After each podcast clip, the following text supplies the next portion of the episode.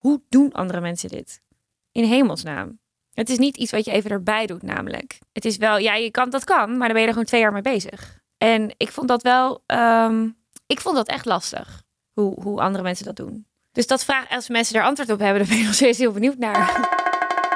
Je luistert naar Hoeveel ben ik waard? Een podcast waarin ik, Rolien, op zoek ga naar waarde. Eigenwaarde, financiële waarde. Want zijn we daar niet allemaal naar op zoek?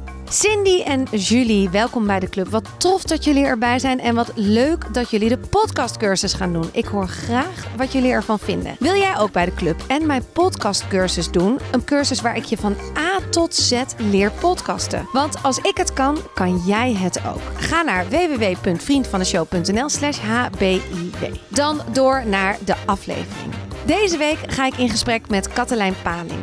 Ik ken haar van Instagram. We zijn een beetje elkaars cheerleader. En dat vind ik echt het bijzondere aan Instagram. Je kan elkaar steunen, aanmoedigen. Kortom, het voelt ook als een soort verbinding. Maar live is natuurlijk nog leuker. Er komen twee kindjes binnen. Wat komen jullie hier doen? Huh? Wat is er?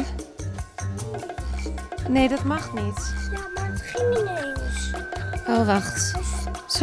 Lieverd, je moet doorlopen en dan deze deur dicht doen, dank je. Maar live is natuurlijk nog leuker. Dus ik nodig de Katelijn uit in de studio. Ze heeft namelijk een te gek boek geschreven. Gewoon knetterhard jezelf zijn. En in haar boek herkende ik veel van de thema's waar ze over schrijft. Zoals trots zijn op jezelf. Dat is toch een partijtje moeilijk en voelt ook meteen zo ja, arrogant. Maar ook je successen vieren, groot, klein. En dat hoeft natuurlijk niet altijd met champagne. Maar sta wel stil bij wat er allemaal gebeurt in je leven. We hebben het in deze aflevering over het verschil tussen overspannen en een burn-out. Over wat er allemaal met je gebeurt, maar ook wat en hoe ze het nu allemaal doet. En ik vertel haar dat ik denk dat ik nooit een burn-out kan krijgen. Maar daar denkt zij anders over.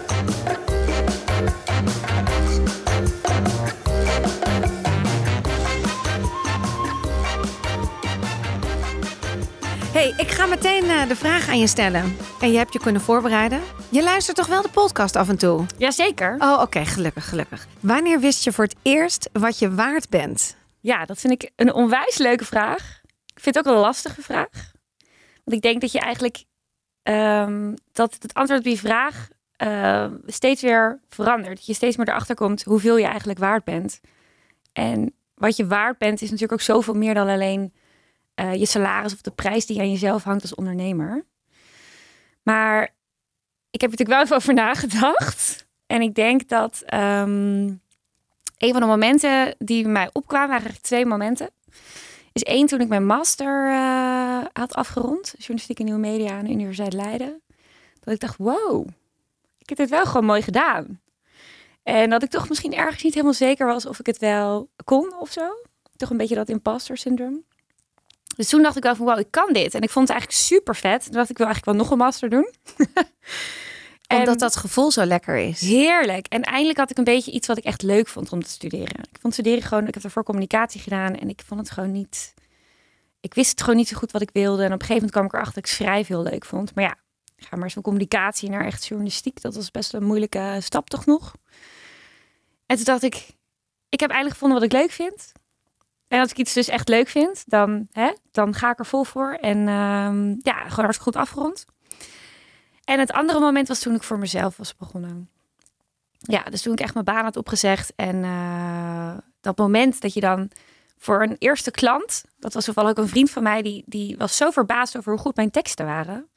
Toen dacht ik, hé, hey, oké, dit is dus mijn waarde. Ik kan echt wat bieden aan mensen. Ik heb daar niet per se een baas voor nodig, of een functie, of een ander bedrijf. Ik kan dit ook gewoon zelf bieden, deze waarde aan mensen, één op één. Zonder dat er iemand tussen zit. En ja, door de jaren heen ga je steeds, duidelijk ligt er, nou ja, nu natuurlijk een boek voor je. ja, dan ga je toch steeds meer je waarde inzien. Hoe lang geleden ben je voor jezelf begonnen? Ehm, ik denk nu toch wel vijf jaar eh, geleden. Ik heb dus zo rond mijn verjaardag volgens mij. Was ik net 27. eh, ja, 2017 denk ik. Ja. En, en waar was je eerst in loondienst? Ehm, ik heb twee banen gehad eigenlijk. Niet zo heel veel. Eh, ik zat eerst bij een start-up op de Keizersgracht. Een, reis, eh, een reisaanbieder was dat. Travelbird. Ik weet niet of je het misschien Ja. kent. is best wel een bekende. Ja, bestaat niet meer hoor. Oké. Oh, helaas. Het ging eh, uit de grond en toen ook heel hard weer eh, naar beneden op een gegeven moment. En toen dacht ik, ja, dit is het toch niet helemaal. Ehm, en eh, er waren ook heel veel mensen ontslagen en het contract niet verlengd, waaronder ook dat van mij. Maar ik vond dat toen niet zo erg, want ik wilde ook wel weg. En ehm, toen wilde ik heel erg graag een van mijn dromen uit laten komen, namelijk naar New York voor drie maanden. En daar wonen en werken, dat was echt een droom wat ik heel erg graag wilde. Maar toen kwam mijn droombaan voorbij. Tenminste, wat ik dacht dat mijn droombaan was. Reisjournalist. En dus dat heb ik toen anderhalf jaar gedaan. Dus op een redactie gezeten bij een uitgeverij eh, in eh, reisbladen. En toen ehm, bleek mijn functie toch wat anders in te steken dan dat ik hoopte. Ik kon gewoon niet mijn creatieve ei kwijt. En, eh, Want je hoopte gewoon elk weekend weg te zijn. ja, dat En is in de praktijk zat je gewoon te googelen en op kantoor. Of werkte het niet zo? Nou, ik ben wel degelijk op reis geweest hoor. Dus ik mocht wel. Ik heb een hele vette reis naar Aruba gemaakt in de Azoren. Ehm, dus dat was heel gaaf. En nu doe ik dat soms nog wel eens voor een reisblog. Dus ik heb nog wel dat element in mijn leven. Dat ik echt wel op pad kan en erover kan schrijven. Dat is te gek. Maar ik, ja, ik mocht steeds minder schrijven eigenlijk. Het werd het idee dat ik een soort start-up binnen die uitgeverij ging opzetten. En het werd eigenlijk heel commercieel. En ehm, toen ben ik gesprek aangegaan met mijn baas. Wij, eh, wij, wij lagen elkaar niet zo. en, Oh, dat is eh, ook heftig, hè? Ja, dan houdt het gewoon op eigenlijk. ja, op een gegeven moment wel. Ik denk dat ik daar gewoon niet zo geluk heb gehad. En ehm, ik vond hem eh, een, vrij vrouwonvriendelijke man ook. En er heerste daar een beetje een angstcultuur. En op een gegeven moment dacht ik, ja, kat, red jezelf. Dit is gewoon... Ik ging daar met vol energie elke keer nog heen. Ik weet niet hoe ik dat deed. Maar na een uur was al mijn energie weg. Dan was het tien uur en dan dacht ik... Ik moet nog... Ik zat echt de, de klok gewoon eh, af te tellen. Begon hier al een beetje je grote live event, je burn-out? Ja. Dus ik dat denk is... achteraf wel. Ja. Dus ongelu- ongelukkig in een situatie zitten en maar doorgaan en maar doorgaan. Maar toen heb je toch in die situatie gekozen voor jezelf, want je begon toen zelf te schrijven als eigen baas.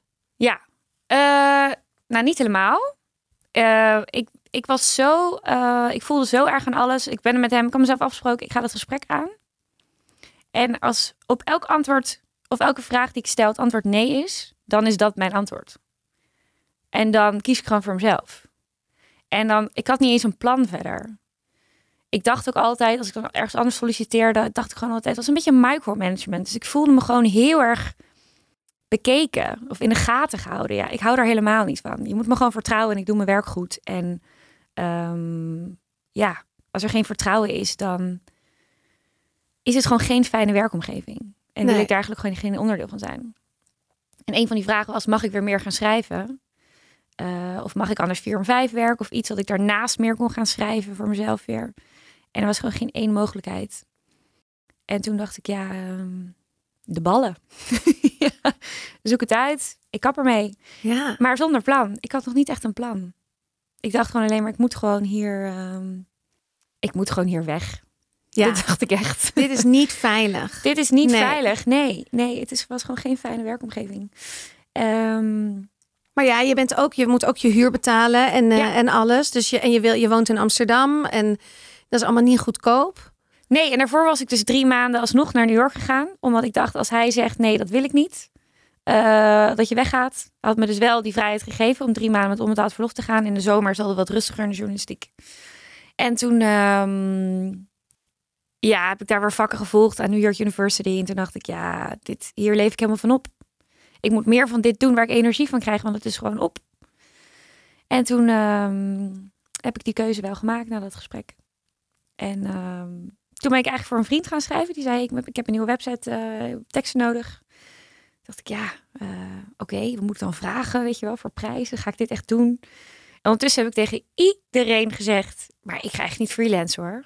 Nee, ik ga echt niet freelancen. Hoe moet ik dan aan die opdrachten komen? Nee, dat is niks voor mij. Terwijl vrienden allemaal zeiden, nou, ik had zo niks verbazen als jij nooit meer in loondienst gaat. En ehm, gewoon voor jezelf begint.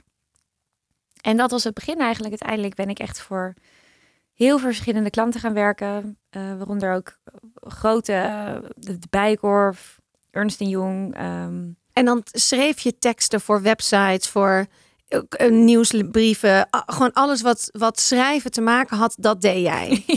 En, maar hoe, vind ik wel een goeie, want hoe bereken je je prijs dan in die tijd? Ja, dat, dat was een reis. Dat, eh, in, kijk, ik zat heel erg nog vanuit de angst in het begin van ik moet nu, inderdaad, ik woon in Amsterdam. Het kost een paar goudstaven per maand. eh, voor een bezemkast ongeveer.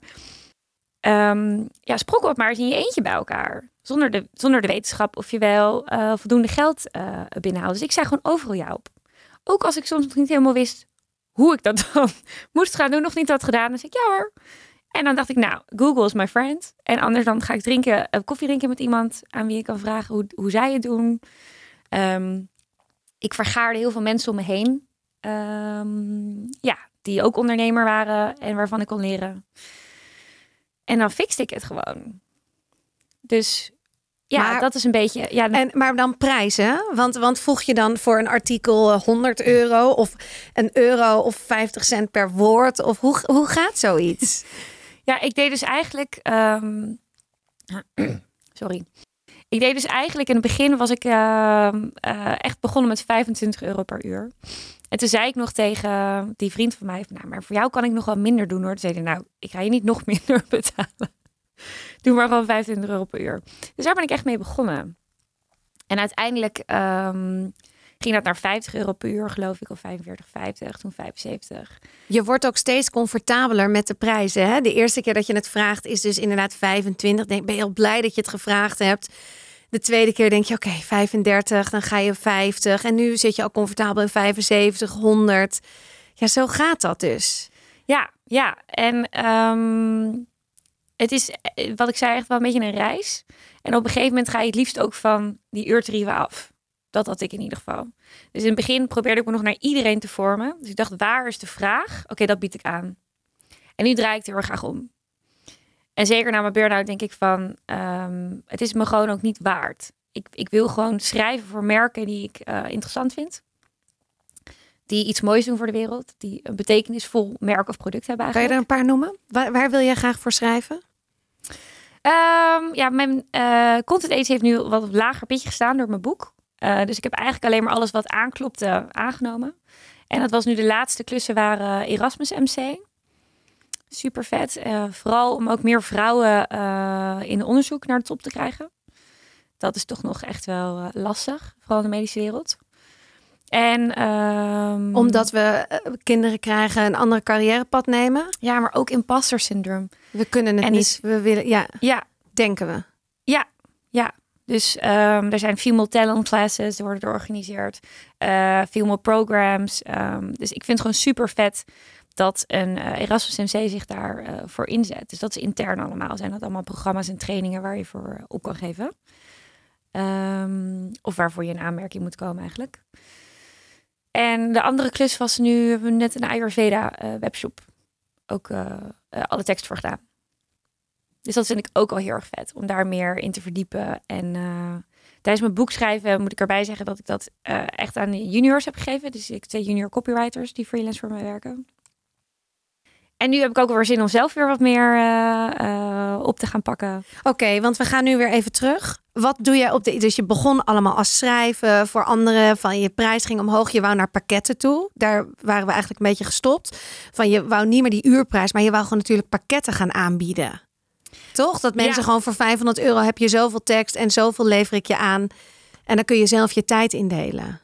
Ja, ja, ik werd er gewoon een beetje gek van. Eh, ik merkte ook dat dat heel veel energie kostte. Dat je op een gegeven moment zei ik gewoon overal ja tegen. Want ik had gewoon uit angst dat ik niet genoeg geld verdiende anders. Het resultaat was dat ik ehm, eh, echt allerlei klanten had. Van, van fintech en finance. ehm, tot aan reizen en beauty en fashion. Waarvan een heel groot deel ik helemaal niet heel erg blij van werd eigenlijk. Dus ook niet genoeg energie van kreeg. En eigenlijk durfde ik ook niet echt te vragen wat ik waard was. Dus ik werkte eigenlijk overuren. Dus ik had zo werkweken van 60 uur eh, te pakken. En dan ga je dus ondernemen met het idee. Hallo vrijheid. Maar eigenlijk ben je dan helemaal niet vrij. Nee. Je wordt toch een beetje een soort van slaaf van je eigen, van je eigen bedrijf. Ehm, dus de kunst is dan inderdaad om te gaan staan voor je waarde. Ja. Ja, want daar... Nu je dit zo nu ik jou zo hoor, is eigenlijk daar ook je burn-out misschien nog meer doorgevoed. Van ja, te weinig vragen, te veel uren maken, dat allemaal. En dan al een slechte baas die jou eigenlijk al zaakjes heeft ingeplant van geen fijne positieve vibe, zeg maar. Daar begon het al. Geen geld krijgen en dan, dan is het een sneeuwbal, denk ik. Ja, Dan rol je gewoon, krijg je de burn-out cadeau. ja, eigenlijk wel. Ja. hoe, hoe is een, want we gaan inderdaad gewoon door naar de burn-out. Hoe, wat, wat is een burn-out voor jou?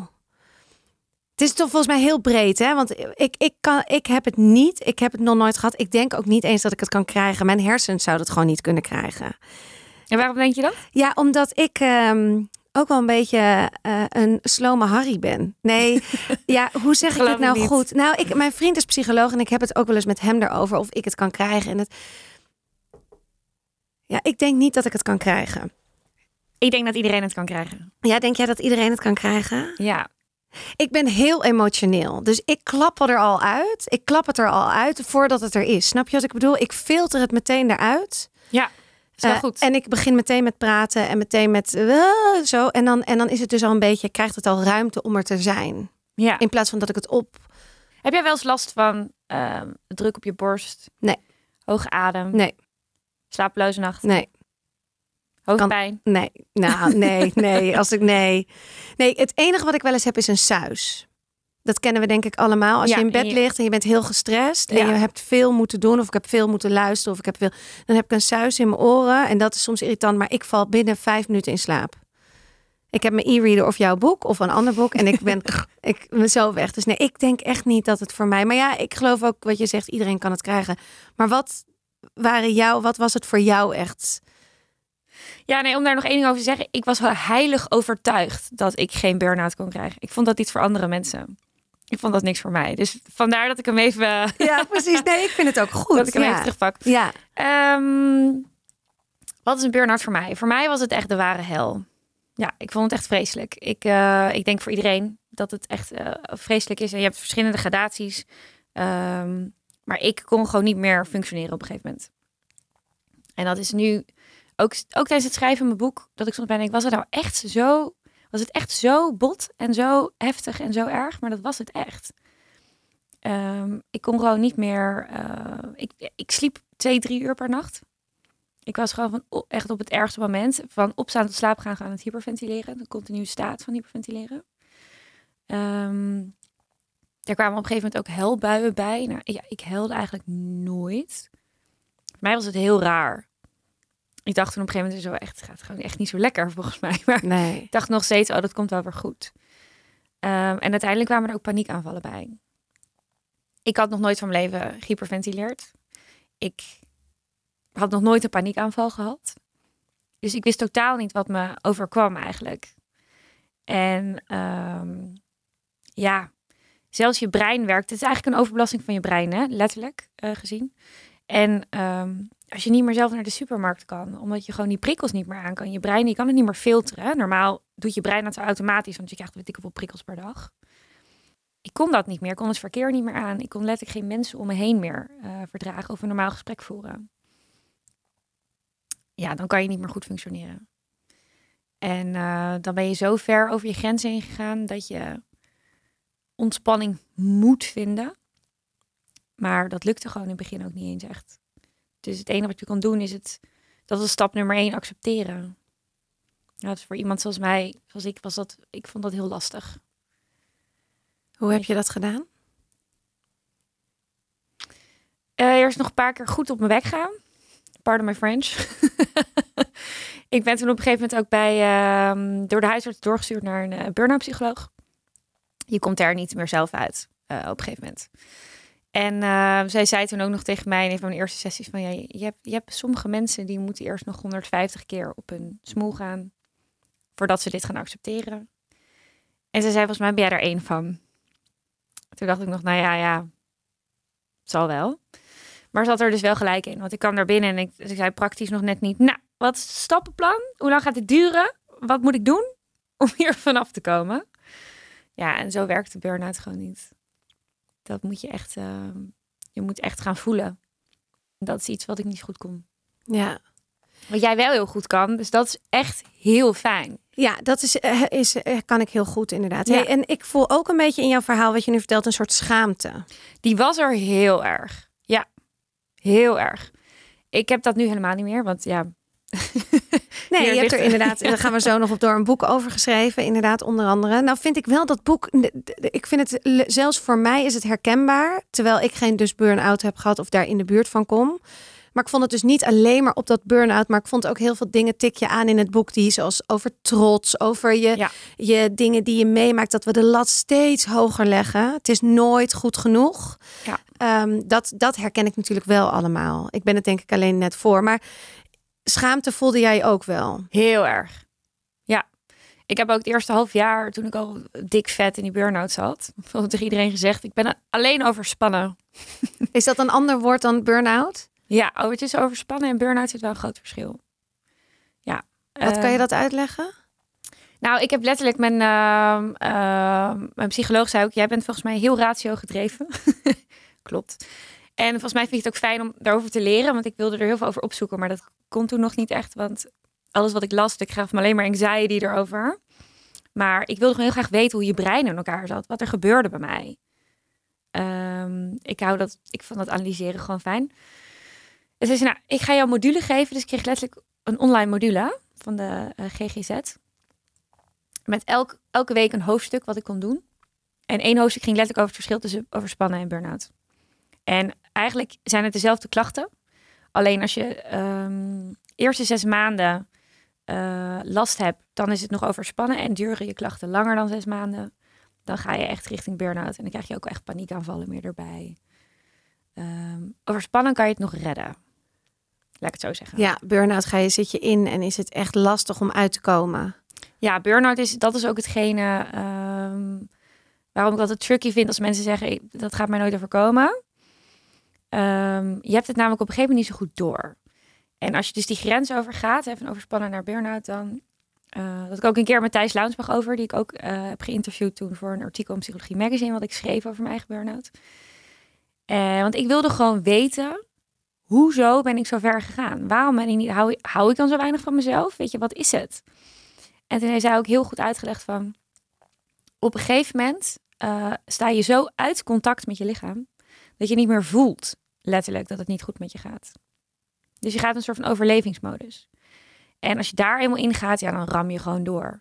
En ik hield sowieso van rammen. dus ehm, ja, dan is het gewoon een neerwaartse spiraal op een gegeven moment. Ja. Ja. Ja, dan kan het inderdaad heel snel gaan. En eh, hoe die burn-out heeft bij jou ongeveer anderhalf jaar geduurd, volgens mij. Ja. Ja, Ik vind dat lastig als mensen zeggen wanneer is het begonnen en wanneer is het geëindigd. Ik dacht heel vaak dat het klaar was. eh, maar dan was zit je er toch nog wel een beetje in. ja. Ja. En ik kijk, ik, nu, ik, nu ik je ook zo hoor hierover, kijk, ik zit niet in een burn-out, maar ik denk wel dat het leven, wat je ook doet, het leven gaat je altijd confronteren, altijd een spiegel voorhouden. En als jij het inderdaad zo ver laat komen dat, dat je echt niet meer in die spiegel gaat kijken of durft te kijken, dan zal het leven je dus steeds harder gaan duwen in die hoek. En ik heb dat ook, alleen bij mij is het niet een burn-out, maar moest ik, ben ik ook in EMDR-therapie nu al vier maanden. Eh, omdat ik gewoon geconfron- geconfronteerd werd met mijn innerlijke kind. Wat maar geen aandacht kreeg, geen aandacht. En ik duwde het maar weg. Alleen, dus ik, ik geloof, kijk, ik heb dan niet een burn-out. Maar ik, iedereen heeft shit op te lossen. Want je wil helemaal in deze tijd gewoon de leukste versie van jezelf zijn. Vind ik ook dat je verplicht bent aan jezelf. Want het leven is zo tof en zo leuk. Dat wees jezelf. Weet je wel, inderdaad wat jij zegt. Je titel. Ja, ja. Toch? Dat, ja. Ja. gewoon knetterhard jezelf zijn. Wat is gewoon knetterhard jezelf zijn voor jou? Wat is gewoon knetterhard jezelf zijn voor mij? Ik denk ehm, dat dat betekent dat je kan leven ehm, echt zoals jij, dat je je leven kan leven op jouw voorwaarden. Dus vooruit, zeg maar voor jezelf en vanuit jezelf, zonder te veel te geven om wat anderen van je vinden, wat anderen van je verwachten, wat anderen van je verlangen. Ik denk dat dat in deze huidige tijd een onwijze uitdaging is. Ik bedoel, we vergelijken onszelf heel vaak. En dat doen we altijd met mensen die toch wat verder zijn dan wij. Die misschien knapper zijn, wat wij dan vinden. die meer verdienen, die slimmer zijn, een groter bedrijf hebben. Je vergelijkt je nou eenmaal niet met iemand die tussen aanhalingstekens minder eh, is. Want je kijkt naar iemand op. En dat is ook een beetje toxic natuurlijk. Dus echt knetterhard jezelf zijn is, is best wel lastig. En daar ook heel erg je eigen waarde zien en daar heel erg trots op zijn. Hè? Dat is ook trots, wat je net zei, is natuurlijk ook een groot topic in het boek.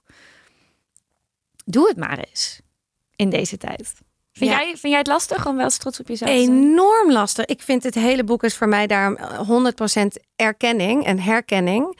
Eh, ik, ik, het begint bij mij ook al dat, dat we de druk die je vooral op jezelf legt, om inderdaad doordat je vergelijkt van, ik zit nu in zo'n proces dat ik graag wil spreken op events en dat ik eh, mijn verhaal wil vertellen. Ja, eh, vind ik superleuk, maar dan zie ik anderen en dan denk ik, "Oh, ja, die heeft dus al drie klussen deze maand en ik geen één of ik heb er één of ik heb dus en, en als je dan een succes behaalt, bijvoorbeeld ik stond in de opzij, wat echt mijlpaal voor mij was, gewoon het feministische vrouwenblad van Zo Nederland. vet. Ja, dat is vet. toch te gek. Ja. En Noemi, die de tekst heeft geschreven, heeft dat zo mooi geschreven. Want dat vind ik dus ook een talent. Hè? Dat je dus, dat vind ik ook leuk aan jou, is dat je, ik vertel gewoon mijn verhaal en zij heeft dat vertaald in mooie woorden. Nou, ik vind dat zo'n fijne samenwerking. Daar ben ik heel trots op. Maar dat is dan twee, dat heb je dan drie dagen ben je trots. Komt dat blad binnen, ben je trots. En dan is het alweer, dan is het alweer helemaal staat het onderaan. En dan moet het volgende keer moet het. Nou, ik weet niet wat hier kan overbruggen, want ik vind de Linda en al die bladen niet zo goed als eigenlijk de opzij. Maar ik bedoel, je moet dan weer, dan moet ik eigenlijk al bijna eh, voor Tony en Tony Robbins zijn. Ik noem maar wat, hè? Gewoon in de. Ja, Het moet zo snel naar hele hoge levels. stom ja, hè? dat, ja, dat is zo, vind ik zo jammer. Ja, Dat komt door die, ehm, ze noemen dat eh, in onderzoek hedonic adaptation. Hoe kan je dat vertalen naar Nederlands? Ja, hedonistische adaptatie. Gewenning. Gewenning. Ja. Gewenning. Ehm, hoe kan ik dat goed uitleggen? Ja, gewenning schrijf je ook in je boek, inderdaad, Ja. volgens mij. Ja, Ja, dus jij hebt dit nu bereikt. En dat geeft jou een bepaald geluksgevoel. Een bepaalde blijdschap. Ehm, en we willen eigenlijk altijd meer. Hè? We willen beter, we willen groeien. Dat zit gewoon in ons. Dus de volgende keer, want hier ben je al aan gewend, wil je iets toffers. Wat in jouw ogen dan toffer is. Want ik vind dit al super tof. ja. Maar je bent er eenmaal aan gewend. ja. Dus dat is heel lastig. Ehm, om, om, we zijn eigenlijk op die eeuwige klopjacht naar altijd maar meer. Maar uiteindelijk is de satisfaction of dat geluksgevoel. We moeten zorgen dat dat langer duurt. Ehm, en dat we daar langer van genieten. En daarom ben ik dus zo fan van vieren. Vieren is voor mij een heel mooi, een hele mooie tool eigenlijk om dat te doen. En daar hoef je dus niet altijd eerst iets voor te bereiken. Dat is iets waar we altijd heel erg, hè, ik ook hoor, nog mee bezig zijn van hé, hey, ik wil eh, pas als, want dat is ook vanuit vroeger. Pas als we iets tofs doen, dan krijgen we applaus en krijgen complimenten. Dus we moeten eigenlijk continu onszelf verbeteren en toffe dingen doen, want anders doen we er niet toe. Ja. Maar dat is eigenlijk helemaal niet waar. Want die, Nee, maar het is toch lastig, want ik denk dan ook meteen, ja, moet ik dan vanavond met mijn kinderen om de tafel vieren dat we eten?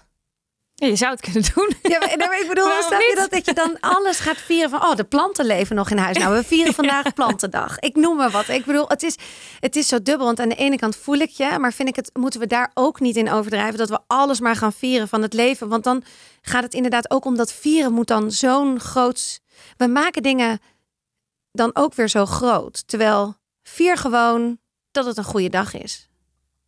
Ja. Maar ja, hoe vier je dat dan weer? Ja, ik vind dat soms dus ook ingewikkeld. Ja, maar ik bedoel met vieren vooral van vier zeker de dingen die je bereidt. Want vieren zorgt ervoor dat je even stilstaat. Kijk, als je nooit stilstaat en reflecteert en terugkijkt, dan zie je ook nooit hoe ver gekomen. Dus succes met vieren en trots zijn, want je maakt er letterlijk geen moment voor, want je staat niet stil. Ja. Maar ehm, ik denk dat mijn punt is van, we zijn zo gefocust om onze waarden op te hangen aan wat we bereiken.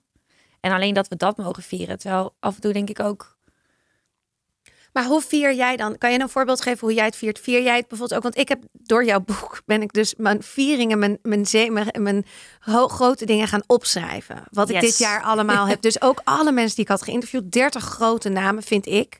gek. Ja, is niet normaal. De opzij, dus ik had alle dingen. Lowlands, wat fantastisch was. Gewoon, ik heb alle vieringen die ik fantastisch vond dit jaar, heb ik opgeschreven. Nou, dan ben je dus echt in een besefmoment. En dat hoef je dus niet te vieren met champagne of met uit eten. Of dat kan dus een hele. Maar die was heel waardevol. Hoe, hoe doe jij dat? Ehm, Ja, eigenlijk elke keer op een andere manier wel. Maar ik vind het dus ook heel fijn om soms zwart op wit te zetten. Dat doe ik ook in mijn coaching sessies. Ehm, ik coach ook vrouwelijke ondernemers om dus echt een business te hebben waar ze energie van krijgen, zodat ze niet opbranden, even heel kort gezegd. Dus echt doen waar je blij van wordt. Ehm, en dan laat ik ze het ook echt opschrijven. En soms gedurende het traject vraag ik ook wel eens van... hey, kijk eens wat we nu allemaal hebben gedaan. Want we kijken heel vaak van... hey, ik sta hier nu en daar wil ik heen. Maar laten we eerst even opschrijven waar je nu staat... en wat, je daarvoor allemaal hebt bereikt, zeg maar. Ja. Dus af en toe echt terugkijken en gewoon opschrijven in een boekje. Ehm, en het vieren zelf... Ja, soms haal ik een cupcake voor mezelf. soms uh, um, rijd ik gewoon lekker naar het strand... en ga ik daar een dag zitten als het mooi weer is... Um, ja, het verschilt gewoon heel erg. Ja. Dansjes in de woonkamer.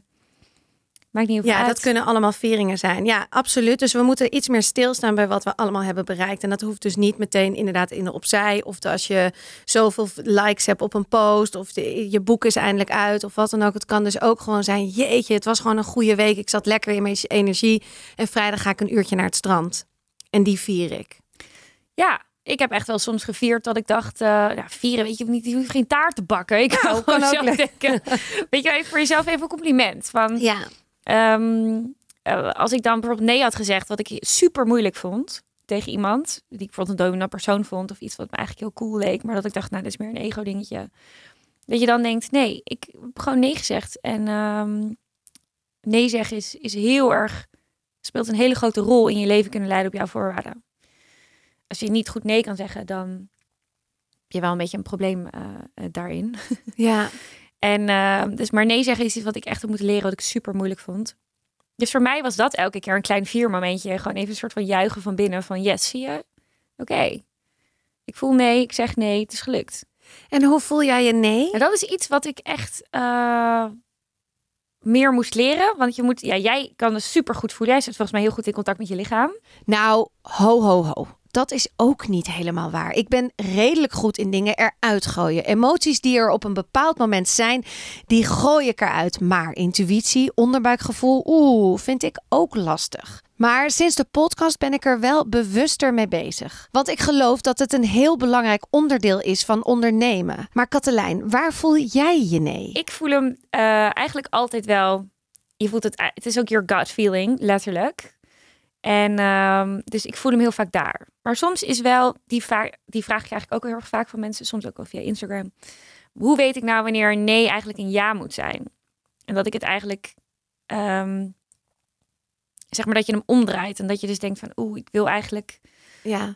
Is hij in mijn comfortzone, zeg ik daarom? Weet Ja. je, of is, hij uit mijn comfortzone, zeg ik daarom nee? Ja. Of is het een nee omdat ik het gewoon niet wil? Ja, Zijn het hele... kriebels of is het je Ja. maag die zich omdraait? Weet je, wat is het? Ja. En ehm, die is soms ook nog lastig. Maar ja, daar heb je ook heel veel tools voor om... eh, Maar dat is weer in contact zijn met jezelf. Dus dat is inderdaad helemaal voelen, de tijd nemen, de stilte opzoeken. Ja. Ja, en dat is gewoon heel moeilijk in deze tijd. Nee, ik, ik heb, ook, ik heb ook meteen in mijn buik een nee.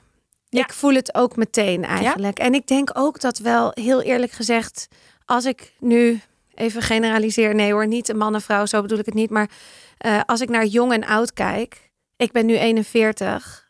Het gaat me nu makkelijker af, omdat ik veel meer weet wie ik ben, waar ik voor sta. Ik Ja. ga niet. eh, Fijn, hè? ja, ja, dat is heel, dat is echt heel leuk aan ouder worden. En Ja. vergeet ook niet dat ik heel veel, ook met de podcast, maanden, jaren voor niks dit heb gedaan. En nog steeds dat we nu hebben we een sponsor, maar die is ook weer binnenkort afgelopen. En dan doe ik er ook weer 16 gratis. En dan komt er weer iets. En, en, maar dat levert wel weer andere dingen op. Dus soms je denkt, hè, ik krijg hier geen waarde uit. Maar dan is het toch een ja, omdat de waarde in iets anders zit. Of omdat het geld in iets anders zit. Dus dat is het voelen van waar is mijn nee en mijn ja. Ja. Maar nee, als ik echt duidelijk een nee voel, dan voel je hem wel. En ik denk ook dat het je eerste, meteen de eerste die je gewoon in die vier seconden al binnenkomt. Dat is een beetje met een handdruk ook als je solliciteert. Ja. En je geeft een handshake. je, ik wist bij de KLM 16 jaar geleden, ik gaf die hand, die hand aan die vrouw bij die, die, bij die recruiters. En ik wist, ik ben aangenomen. Ik wist het al. We hadden nog niet eens het gesprek gehad. Het rollenspel nog niet eens. Ik wist het. Ja. Ja, het is gewoon, je voelt het en het is een bepaalde energie. En ik denk dat we daar veel meer eh, naartoe mogen leven, zeg maar. Ja. Ons leven naar mogen inrichten. Ja. Maar dat is voor mij echt een eye-opener. Ik, eh, ik ben op een gegeven moment echt gaan merken van wow, ik deed alles gewoon op ratio. Ja. Ik, ik, ik, ik deed alles met mijn kop in. En nu mag mijn lichaam ook echt meedoen. En ja, dat geeft je zoveel meer. Kijk, waarde is, is we hebben het altijd heel erg over. Meestal denken mensen meteen aan geld. Weet je, welke prijzen vraag ik? En uh, nu weet ik gewoon dat mijn belangrijkste waarde is echt mijn energie. Want ik weet als het op is, houdt alles op. Dan kan, je, ook, ook niet meer werken. Nee, klopt. Dus het is me gewoon, het is me alles waard, letterlijk. ja. Ik vind dat jij zo'n topnaam hebt ook voor deze podcast. Ja, Hoeveel ben ik waard? Ja, hij is goed, het is, hè? Hij is zo goed. Ja. Ja, ik vind hem echt te gek. hey, en je, hoeveel ben je nu waard? ja. Hoeveel ben ik nu waard? Hoeveel verdien jij per maand? Ja, daar heb ik eigenlijk niet echt een antwoord op. Omdat ik um, nu echt een beetje zoekende ben van waar ga ik nu weer heel erg op richten. Ik uh, ben eigenlijk een beetje echt van een, nou niet eigenlijk, ik ben van een burn-out. Waar ik een beetje uitkrabbelde, weer vol de pandemie ingegaan. Dus ik ben echt van de ene isolatie naar de tweede isolatie gegaan. Toen had ik wel net weer een klant, die was ik toen ook weer kwijt. Um, en toen ben ik een boek gaan schrijven. Waar Zullen je natuurlijk echt... heel kort even over zo'n proces hebben? Ja, is goed. Ja, want jij, jij zit bij uh, uh, Spectrum. Ja. Nou, dat is natuurlijk ook wel een eer. Hele fijne uitgeverij. En ik, ja, ik voelde me heel erg vereerd. Ja, dus je, je, ja. je schreef, en ik weet even uit, je hebt in een andere podcast verteld, je, ze had eigenlijk een ander boek. Wat je zou gaan vertellen over de leuke jaren van de dertigers. en uh, wat je allemaal moet doen. Waarschijnlijk positief verhaal. Uh, maar dat werd het helemaal niet door je burn-out. Het werd gewoon knetterhard jezelf zijn. Ja. Hoe ga je zo'n proces van zo'n boek schrijven in? Nou, het is eigenlijk wel grappig uh, hoe dit is gegaan. Um, want dit is denk ik de meest gestelde vraag van mensen. Hoe, hoe, ben hoe, kan ik nou, hoe kan ik een boek schrijven? Hoe heb jij het gedaan? En eigenlijk uh, is het allemaal begonnen bij een uh, Facebook post. Uh, mijn vader heeft ook boeken geschreven. En mijn moeder trouwens ook. um, en mijn vader zag een post van een literair agentschap. Uh, en Bisseling. En ze hadden een soort van talent talentenjacht of hoe noem je dat? Een soort wedstrijd waar je aan mee kon doen. En dan kon je een gesprek winnen om je boekidee te laten lezen. En uh, te vragen om advies, denk ik. En er zouden zes mensen winnen en dat deden ze één keer in zoveel jaar ook. Dus het was echt heel toevallig. En ik dacht, nou, ik doe daar gewoon uh, aan mee. Mijn vader had gezegd, dacht, nou, eigenlijk best leuk. Dus ik had een viertje ingeleverd. Zes mensen konden winnen. Ik had niet gewonnen. maar ik kreeg wel een mailtje van, hey, wil je toch een keertje langskomen? Want we vinden je idee wel grappig. Dus ik daarheen. En dat was het idee voor een lollig boekje over 30 worden. Um, dat werd uiteindelijk uh, dit boek. Want uh, er stonden gesprekken, maar uiteindelijk ben ik um, vol die burn-out ingegaan. Toen heb ik daarna met hem koffie gedronken met Willem en gezegd: Ik wil een ander boek maken. En dit is het. En toen zei hij: Nou, volgens mij moet er een verhaal uit bij jou. We gaan maar even schrijven. En dan hoor ik je wel weer. Dat is dit boek geworden. Toen heb ik vier hoofdstukken volgens mij geschreven. En uh, toen heeft hij het, is een literair agent, voor de mensen die dat niet uh, weten wat hij precies doet. Dat is eigenlijk de schakel tussen de auteur en uitgeverijen. Hij pitcht jou eigenlijk uh, bij de uitgeverij waarvan ze denken, daar pas jij goed. En Spectrum was er één van. En zij hebben eigenlijk dezelfde dag nog teruggemaild van, we willen heel erg graag met Katelijn afspreken en rond de tafel. En ja, ik vond Spectrum natuurlijk ook al een fantastische uitgeverij. Hele mooie uh, boeken geven ze uit. En natuurlijk heel veel bestsellers. Uh, alle auteurs waarvan ik de boeken ook lees, die zitten daar. Dus ik dacht, oh mijn god. Dit is wel een kleine droom die uitkomt dat ik überhaupt op gesprek mag komen. En ik had me helemaal voorbereid en ik dacht, ik had een paar mensen gevraagd hoe gaat zo'n gesprek? En ik dacht, ik moet helemaal mijn boek verdedigen. Dus ik had allemaal andere boeken gekocht om te kunnen zeggen van, nou ja, daarom is het niet hetzelfde als dat boek. En, uh, maar dat kwam helemaal niet. Dat is gewoon super fijn, dat soort warm bad waar ik binnenkwam. En ja, zij geloofde echt in mijn boek. Dus toen dacht ik, ja, dit, dit is gewoon, ik moet dit gewoon echt in me opnemen en van genieten dat, dit, dat ik deze kans krijg en het gewoon doen. Vieren. Vieren, ja. Meteen. Ja. hey, maar dan moet je ook onderhandelen. Of ja, zijn er maar... vaste regels voor geld uh, voor schrijvers? Daar had ik dus die literair agent voor. Die heeft dat gedaan voor mij. Um, dus je betaalt natuurlijk ook een deel van je uh, opbrengst. Het gaat natuurlijk naar het agentschap. Maar bij een eerste boek dacht ik ook, ja, dat is super fijn. Ik, ik heb geen idee waar ik aan begin. Dus dan eh, vond ik het alleen maar heel fijn dat hij erbij was en dat, eh, dat hij dat heeft geregeld voor mij. Ja, en dan is het beginnen met schrijven. Maar vertel geld. Hoeveel krijg je geld. hiervoor? Ik wil weten. ik wil weten hoe het werkt. Hoe het werkt, krijg je dan, eh, krijg je dan, want je, je moet weer wederom je huur betalen en alles. Maar krijg je een voorschot dan? Krijg je een x-bedrag? Ja, dat, dat wil ik prima vertellen. Je krijgt ehm, over het algemeen, wat ik hoor, tussen de 1500 en de 3000 Ja, voor het schrijven als voorschot. als voorschot. Dus dat gaat daarna ook af van wat je dus eh, verdient te boeken. Want Ja. het, is, het heet letterlijk een voorschot. Ja. Dus nu, nu laten we zeggen in ieder geval een paar duizend euro krijg Ja. je sowieso. Maar dan kan je natuurlijk niet, ja, of het nou 2000 euro is of 5000 euro of 3000 euro. Je kan, Kan je er niet van rondkomen? Je kan er niet nee. van rondkomen Nee. jarenlang. Nee. En dat is Want- toch wel wat het kost om een, om een boek uiteindelijk helemaal uit te geven. Ja. Dat is wel iets waarvan ik ook dacht, hoe doen andere mensen dit? In hemelsnaam. Het is niet iets wat je even erbij doet, namelijk. Het is wel, ja, je kan dat kan, maar dan ben je er gewoon twee jaar mee bezig. En ik vond dat wel, ehm, ik vond dat echt lastig. Hoe, hoe andere mensen dat doen. Dus dat vraag, als mensen daar antwoord op hebben, dan ben ik nog steeds heel benieuwd naar. Nou, het is natuurlijk daarin dus nog een. he- het is heel populair om een boek te schrijven. Maar Ja. het is tegenwoordig ook heel populair om hem zelf uit te brengen. Dat zie je toch aan een eh, Ja. Kelly Wekers, aan eh, eh, Michael Pilacic. Weet ik veel. Iedereen geeft hem zelf uit, omdat er geen droog brood in te verdienen valt. En het is logisch, want je hebt een redacteur en het, de ontwerp en de foto's. Dus er zit veel geld en tijd in, ook vanuit de uitgever. Ja. Maar het is gewoon lastig geld verdienen. Het is zeker lastig geld verdienen. ehm, want je krijgt nog geen 2 euro per boek. Dus daar moet je heel veel boeken voor verkopen. Het is natuurlijk eigenlijk raar verdeeld. De creatieve. Het is eigenlijk die- heel gek verdeeld. Ja. jij creëert het hele boek natuurlijk. Maar daar moet ik wel bij zeggen dat je ehm, met de redactie... eh, kijk, een redacteur is echt goud waard. Ik, ik, ik weet ook nog ehm, dat ik met eh, een vriendinnetje, Merel... eh, ook zat te bespreken van... Hey, Hebben het over Merel van der Woude? Ja. ja. die zei ook van, hey Kat, eh, ik zit erover te denken, weet je wel, ik mag met mooie uitgeverijen praten. Ehm, maar sommige mensen geven het ook zelf uit. En nog meerdere mensen hoor, die het aan mij vragen. En toch zeg ik, ja, ik zou ehm, niet je eerste boek eh, zelf uitbrengen.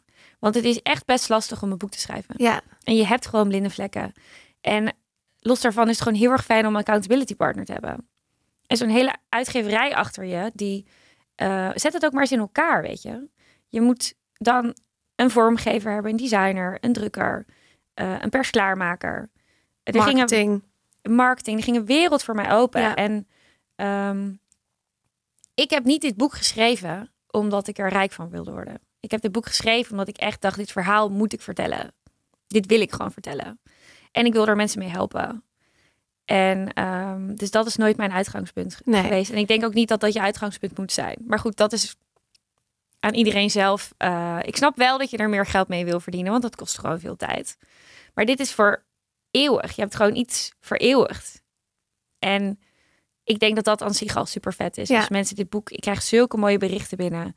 Dat mensen echt zeggen van, je hebt echt mijn beeld op de toekomst gewoon veranderd. Het is een tijdloos boek wat je hebt geschreven. Dat vind ik ook knap. Dit kan over Ja. vijf jaar nog, over acht jaar nog en misschien over tien jaar herschrijf je het en ben je ook een ander persoon. Dan ben je, ga je naar de veertig toe. Maar ik bedoel, Ja. het is wel echt heel erg. ehm, ja, het is voor, voor veel mensen, denk ik, het is een, ma- een makkelijk boek wat veel mensen kunnen lezen en tijdloos. hey, oké, dus je hebt er. Hoe heb je geld bijverdiend? Ehm, ik heb eigenlijk alle klussen die binnenkwamen eh, via mijn contentbureau heb ik aan eh, eh, copywriters gegeven. De twee copywriters. En ehm, dat Daar vang ik- je een percentage over. Daar vang ik een percentage over. Maar dat was gewoon altijd wel minimaal. En, maar ik heb dat ook gewoon, ik heb dat van tevoren ook bedacht. Van, ik wil nu niet alle ballen. Ik kom nog steeds uit die burn-out. Dit is gewoon weer waar mijn focus op ligt. En ehm, om heel eerlijk te zijn, ik heb nu alweer zin om meer te gaan vlammen. Maar geld heeft voor mij gewoon een lange tijd niet zo veel een grote rol gespeeld. Het boeide me niet zoveel. Zolang ik de eindjes een beetje aan elkaar kon knopen, wat prima kon. ehm, ja, heb ik het gewoon gered en gerooid. En ehm, nu zit ik ook heel erg te bedenken van vanuit die energie van hey, wat, waar wil ik mijn focus nu op eh, gaan leggen? Want ik geloof heel erg dat kiezen is focus. En had ik ook een beetje zitten denken van, ehm, weet je wel, wil ik vol meer op coaching gaan zitten? Wil ik toch ook weer meer zelf gaan schrijven? Of wil ik weer eh, alle energie gaan stoppen in eh, mijn content agency? Want ik, ik zie ondernemen toch wel een beetje als een ketchup eh, fles, weet je. Als je een beetje half gaat schudden, komt er gewoon niks uit. En ga je hard schudden, komt ineens... Weet je waar je energie en focus in steekt, daar komt ook iets uit. Ja. En Dus- als je die drie naast elkaar hebt, bij welke heb je nee? Bij welke voel ik nee, bedoel je? Dat vind ik nog heel lastig. Grappig, want ik voel hem wel bij eentje. Ja? Ja. De content. Ja. Ja. Ik denk, ik neig er ook heel erg naar. Maar het is toch ook een beetje je baby. Dus Ja, maar je is- hoeft het ook niet op te geven. Maar alleen je kan gewoon dat blijven doen met copywriters. Maar dat je daar dus niet, dat je daar niet meer enorm op loopt te shaken. Dat je gewoon denkt, dat Ja. loopt gewoon, dat waggelt lekker met me mee. Ja, Maar mijn ambitie is gewoon vlammen in het schrijven. Dat kan ik goed. Eh, en mijn ambitie is ook om de vrouw te coachen. Want daar nog even over. We gaan echt wel van de hak op de takken. Nee, ja hoor, sorry, echt- nee, zit nee, met nee. mij. Maar het is, oh ja, en met mij, want ik ben ook zo. En ik wil dan alles weten in een uur en oh, heel snel. En, eh, maar ik, dat coachen, dat, dat, want dat heb ik je ook al een beetje horen zeggen. Van, dan wil je eigenlijk niet zo echt eh, business coach op je business coach op je profiel hebben staan. Van, omdat er, maar waarom niet? Omdat er al heel veel zijn. Oh, dat valt op, ja. Nou, je doet het een beetje onder de radar. Ik, ik wist het niet helemaal. Ik Ja. dacht gewoon, eigenlijk wist ik sowieso van jouw profiel niet echt te zien wat je allemaal doet. Nee. Ja, grappig. Dat is eigenlijk geen goede zaak. Nee, ik vind jou gewoon geen heel, goede zaak. Ik vind maar- jou namelijk het boek heel leuk. Eh, en ik vind jou heel leuk. Wij zijn een beetje elkaars cheerleader af en toe op Instagram. Ja, en, I love it. Ja, I love it too. Ik Ja. vind dat ik kende jou niet. Maar ik vind dat zo leuk als vrouwen elkaar aan het cheerleader zijn. En, Ja, eh, dat is toch heerlijk. ja. Dat is toch, zo- ik vind het zo belangrijk. ja, Ja, omgeef je echt met zulke vrouwen. ja. Ehm, en ik vind Instagram er ook een fantastisch platform voor. ja, schrijf je ook in het boek. Vind ik ook heel leuk. Dat je gewoon eh, inmiddels het echt ziet. Het niet meer vergelijken. Maar gewoon, Ja, je haalt de goede dingen eruit. En eh, dat is het. ja, ik snap dat mensen dat wel doen hoor. Dat ze echt een beetje haat-liefde hebben. Ja.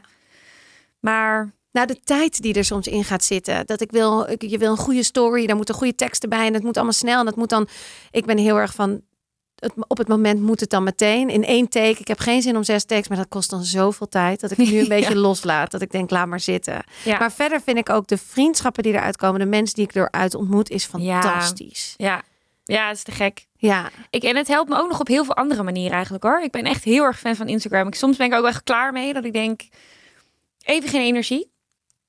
Ehm, maar het helpt mij soms ook als stok achter de deur. Dus als ik dan bedenk, ik heb net een videotraining gelanceerd voor nee zeggen zonder schuldgevoel. Vooral dat zonder schuldgevoel is heel belangrijk, want dat hebben we allemaal toch wel vaak bij nee zeggen. Ehm, en toen dacht ik, je gaat het gewoon doen. En dan gooi ik het gewoon op Instagram. En dan denk ik, oké, ik heb nu gezegd dat dit eraan komt. Dan moet ik het nu ook gewoon gaan doen. Dus het helpt mij ook wel om meer mijn podium te pakken. En om af en toe echt uit die comfortzone te, te, helpen. En dingen de wereld in te gooien. Dat, Ja. ja. dat is toch een beetje een soort van spreekbuis af Ja. en toe voor dingen die ik spannend vind. ja, absoluut. Dus dat vind ik ook nog mooi aan. Maar terug naar wat je allemaal doet. Niet te zien op je profiel. Ja, dat is grappig. Ik, eh, ik heb dus een eh, traject. Dat heet van stress naar succes, own je business. Want ik denk dat allemaal heel erg vaak beginnen met ondernemen. Ehm, en zo ik, ik dus ook, vijf jaar geleden. Gewoon alles aanpakken, eh, omdat we geld moeten verdienen. En nog niet zo goed durven te gaan staan voor wat we eh, willen aanbieden.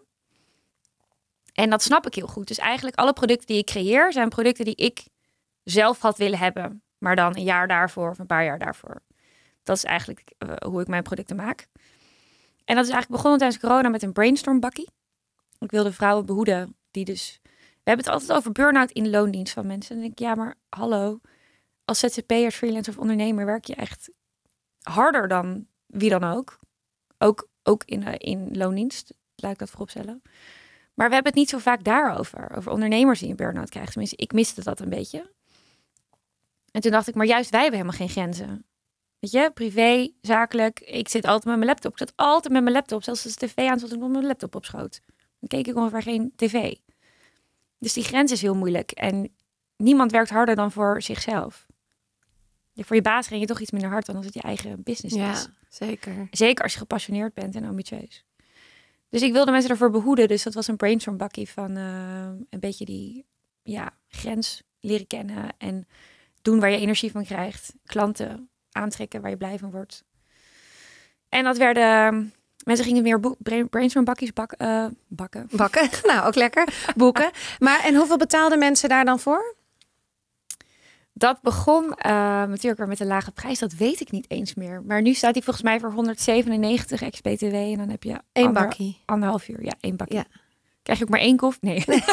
Krijg je één koffie, zwart, verder niks. Ja. Geen Heel, havermelk. nee, heel, ge- heel, heel gewoon karig. Karig. Nee, maar dat is een mooie prijs. Dat is, Ja. niet, dat is, niet, dat is niet weinig. Best wel. Nee, en soms denk ik nog wel eens, hij zou zelfs wel om- omhoog moeten. Maar kijk, we kijken heel vaak naar, oh, is maar anderhalf uur. Maar de waarde die je krijgt, dat is weer grappig. Waarde komt eigenlijk zo vaak terug in heel Ja. veel gesprekken. Het is echt mooi. Bizar, hè? Ja. Ehm, maar we kijken heel vaak alleen naar dat uur of, of de tijd die je verkoopt. Maar wat van Wat is alle de impact? Ah, de impact, maar op, op, op relationeel, financieel, eh, mentale gezondheid op elk Maar vlak. kijk, Kat. Ja. Ik vind het heel mooi klinken. Maar hoe, hoe ervaar jij dat je waarde verkoopt voor 197 euro? Hoe weet jij? Is dat omdat je feedback krijgt of omdat je dat zelf voelt? Hoe, dat vraag ik me wel eens af. Ehm, ik denk, dus je bedoelt hoe ik die prijzen ben gaan. die- Nou, hoe weet je nou dat het waardevol is? Dat het niet gewoon gezellig is? Of dat het niet gewoon, Gewoon een leuk... Ja, gewoon een bakkie. ja, wa- wa- wat, wat bepaalt dat het echt waarde heeft? Ehm, ik vind het heel belangrijk dat als je bij mij ook naar elke sessie in het traject. ehm, want het is dus begonnen met een brainstorm. Toen werden het drie sessies, want die werden mensen steeds meer geboekt. Uiteindelijk is het nu een traject van zeven sessies in drie maanden.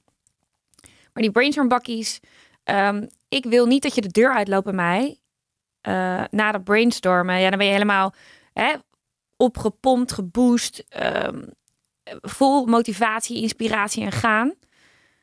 Maar dan kom je thuis, denk je, ja, maar ja, oh shit. En dan zit je met een overload en dan denk je, maar hoe dan? Waar moet ik nou beginnen? Terwijl, als ik je concrete tools meegeef, of een paar eerste stappen die gewoon behapbaar zijn, en niet zo van, oké, we willen de wereld, ehm, eh, hè, eh, we hebben allemaal duizend ideeën, we hebben lekker gebrainstormd en nu moet je het nog gaan doen. Nee, dat er dus echt, dat je de deur uitloopt met concrete stappen die je kan gaan zetten binnen die twee weken. En vaak komen ze dan ook terug, want ja, anderhalf uur is maar anderhalf uur. Ja. En ehm, in het begin had ik ook echt dat mensen met een overload aan informatie de deur uitliepen. En toen dacht ik, ja, dit is niet de bedoeling, hè? Dit moeten we ook niet hebben. Want daarna liepen ze vast. Ja. En toen dacht ik, dit kan ook helemaal niet. Ik wilde dat hele traject, wat nu drie maanden is, wilde ik in anderhalf uur. Want ik wil heel graag al mijn kennis delen. Ja. Het gaat gewoon niet in anderhalf uur. Eh, maar de reacties die ik kreeg en de stappen die mensen zetten, daar kan je op een gegeven moment wel van op aangaan dat, dat je een goed product hebt. En ik heb er natuurlijk heel veel gedaan. En dat optimaliseer je en dat test je. En zo wordt je product steeds beter. En eh, door feedback te vragen en reviews. En uiteindelijk weet je gewoon, oké, dit is echt wel iets wat waarde heeft. En ik denk dat we onderschatten hoe fijn het is om af en toe met iemand te kunnen sparren. ehm, die echt met jou meedenkt. Want soms is ondernemerschap best wel alleenig. Best wel lonely en eenzaam. Want je moet het toch allemaal zelf bedenken. En ik weet niet of jij dat ook wel eens hebt. Dat je soms denkt van ja, ehm, ik wil gewoon even iemand die met me meedenkt. Als je, zeker als je vastloopt. En ik denk dat dat ehm, eigenlijk van ongekende waarde is. Want je hebt soms zulke blinde vlekken en dan zie je het gewoon niet meer. Dan ga je Nee. in je hoofd in rondjes. En dan is het zo ontiegelijk fijn als iemand gewoon even met je meedenkt. Van heb je hierover nagedacht? En dan komt er soms iets van je denkt, nee. Totaal niet over nagedacht. Dat was Nee. niet in me opgekomen.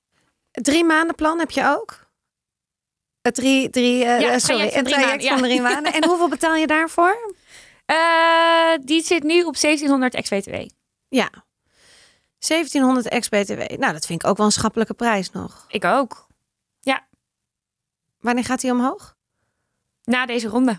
Ja? Ja, het is elke keer ehm, dat ik hem toch iets omhoog doe. Omdat ik gewoon... Ik, elke keer als, het, als ik het opnieuw doe, zeg maar... Is dit een groep die dit doet?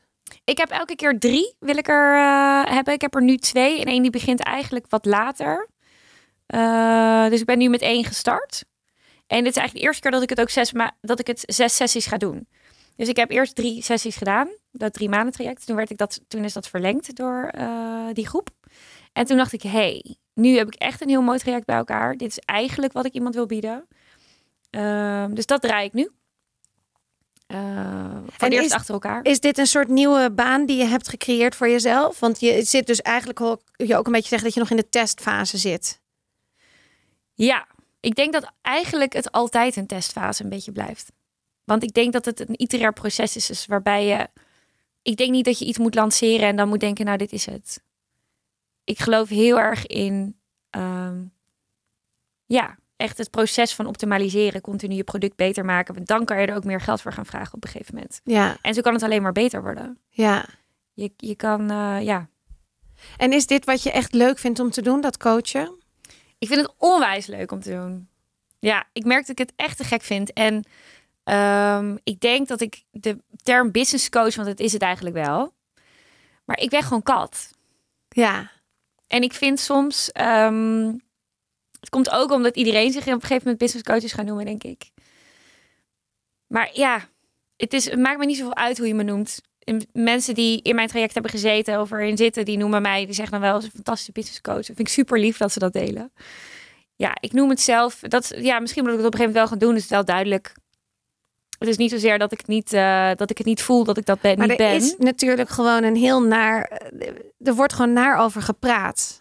dat ook, ja. Ik bedoel, je wordt bij elke satireprogramma word je in de zijk genomen als business coach, toch? Dus het is Ja. ook wel een beetje van ja, je wil je misschien ook anders, ja, anders positioneren dan dat dat alleen. Weet je wel, snap je? Ja, Ik, ik, iedereen vindt tegenwoordig iets van een business coach. Dit is, ik kan me voorstellen dat het niet trots voelt om te zeggen, nou, ik, ik ben ook business coach. Ja, ik vind ook lastig die term. Ik merk dat ik die term lastig vind. Soms had ik nog wel een beetje te spelen met meer stratege, Trainer, ja, of- of, trainer of cheerleader van mijn part. Ik vind coach is dus ook een beetje zo'n vage term ergens of Ja. zo.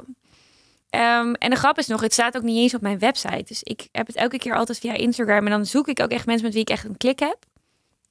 Ik denk gewoon razend belangrijk. Ja, Want als je die niet hebt, jij hebt misschien ooit hier ook iemand gehad waarvan je dacht ik minder een klik, maar ja, had je die misschien ook niet uitgenodigd. Ik weet niet of je dat wel eens hebt gehad. Maar dan, dan stroomt het gewoon nee, niet. klopt. Nee, je moet echt een, dat is echt heel belangrijk om een match te zijn. eh, Ja, toch? Ja, ook in deze gesprekken. Zeker. Ja. Daarom is het ook heel vaak bij de podcast dat ik vind het heel lief dat mensen zichzelf aanmelden. Echt cool en leuk. En ik wil iedereen natuurlijk een platform geven. Want ik gun het echt iedereen. Maar Ja. vaak komt het toch van, dat is zo'n moeilijk woord van intrinsiek. intrinsiek. Intrinsieke motivatie. Ja, ja. want dan, dan weet dan, ja, dus ik vind het leuker als ik iemand uitnodig. En dat gaat eigenlijk altijd bijna voor. Maar zo wordt jouw product ook eh, tien keer beter. Ja, Want als jij, ehm stel jij moet een gesponsord gesprek hier doen. ja dan is het, dan is het, dat wil ik niet. En daarom doe ik ook bijvoorbeeld nog steeds niet aan affiliate deals.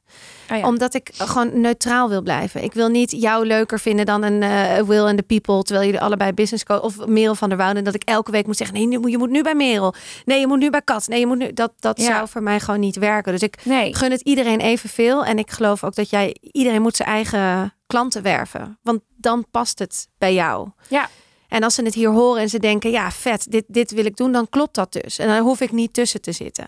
Dat is Nee. eigen lijnen. Maar Ja. dat is dus gewoon knetterhard jezelf zijn. Ehm, zowel als ondernemer als als mens. Want ik denk dat je als ondernemer en als mens ben je, is hetzelfde. Dat, die moeten gewoon aligned zijn. Ik denk Ja. als jij in je ondernemer in je onderneming eh, je anders voordoet dan wie je bent als mens, dan ehm, krijg je geen energie van je werk. Nee. En dat is zo belangrijk. Ja, ja dat is die waarde. Die energie staat voor jou echt gelijk aan waarde. Energie is waarde, is je geld, Ja, je stroom. Ja. hoe zie jij dat? Wat is jouw belangrijkste waarde? Ehm, oh, dit vind ik heel moeilijk, want ik weet wel wat mijn kernwaarden zijn. Maar dat is weer ander, een andere vraag dan hoe jij hem nu aan mij stelt. Ja. Ja, ik ben het wel met je eens dat energie, dat energie hebben om iets te doen. Ja, dat is als je ook wel eens een week ziek bent of je bent verkouden. Dan ineens merk je Oh, het, hè? En dan ben je gefrustreerd en Ja. dan denk je, ik kan niks doen. En dan had ik, me, had ik maar weer mijn energie. Dus nee, ik voel dat heel sterk ook.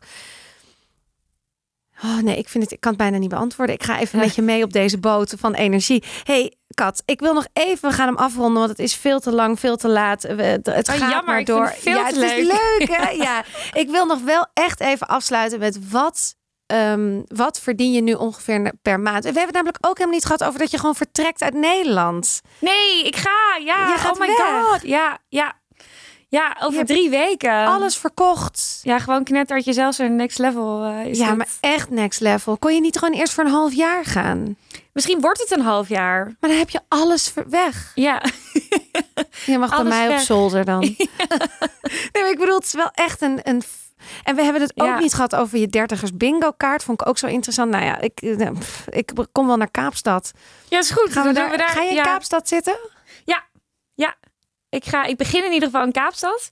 En ik ben eigenlijk heel... Ik, ik, ik, ik, ik vind het zo bijzonder dat ik gewoon de volledige vrijheid ga hebben. Om, dat is ook heel eng. Hè? Want loslaten betekent echt loslaten. Weet je, ik heb mijn huur opgezegd, mijn kantoor opgezegd, mijn auto verkocht. Mijn halve eh, kledingkast staat op Vinted. Eh, wat, een, eh, wat een app. Wat een app, maar fantastisch, toch? ja, ja, te gek. Ehm mijn halve inboedel op Marktplaats. Dus het is echt wel next level loslaten. Maar ik kan straks gewoon, eh, als ik in Kaapstad zit, kijken wie, welke mensen ik ontmoet. En als ik denk, ik ga naar Bali, ga ik naar Bali. Of als ik terug naar huis wil, dan ga ik naar huis. En dan vind ik wel weer een, een, een, woning ergens of zo. Het komt wel goed. Nou, ik kom naar je toe in Kaapstad. Ik, ben er, ik vlieg 16 Welkom. jaar en ik ben er nog nooit geweest. Echt? Nog nooit. Kan jij niet... Ja, ik kan het eh, aanvragen. Oh, please, doe ja, dat. ik, doe, ik kom naar je toe, maar dan moet jij me meenemen. Want ik, ik weet daar dus niks. En ik, ik krijg altijd een beetje van Kaapstad het gevoel van... oh, waar moet je beginnen? Ja, maar ik heb ik ook nog. Maar ik zit er dan Precies, even. jij en dan zit ja, er dan. Oh ja, yes, Dus ik kom dan in, in januari, februari... Ja. kom ik even een weekendje langs. Heel leuk. Nou, deal. Neem ik mijn spullen mee en dan ga je vertellen hoe je het daar vindt. En of het je onderneming je daar lukt. Te gek. Ja, dat zou ik echt te gek vinden. Dit was hem. Dankjewel. Yes! Dit was hem voor deze week. Wat leuk dat je weer hebt geluisterd. En ik hoor natuurlijk graag wat je ervan vond. Ook vlog ik tegenwoordig. Dus wil je meer weten van mij? Dat kan op HBIW. Achter de schermen kan je zien hoe mijn weken eruit zien. En natuurlijk duimpjes, abonneren zou te gek zijn. Dan hou ik je op de hoogte over mijn avonturen naar zakenvrouw van het jaar. Nou, 2024. Voor nu, tot de volgende!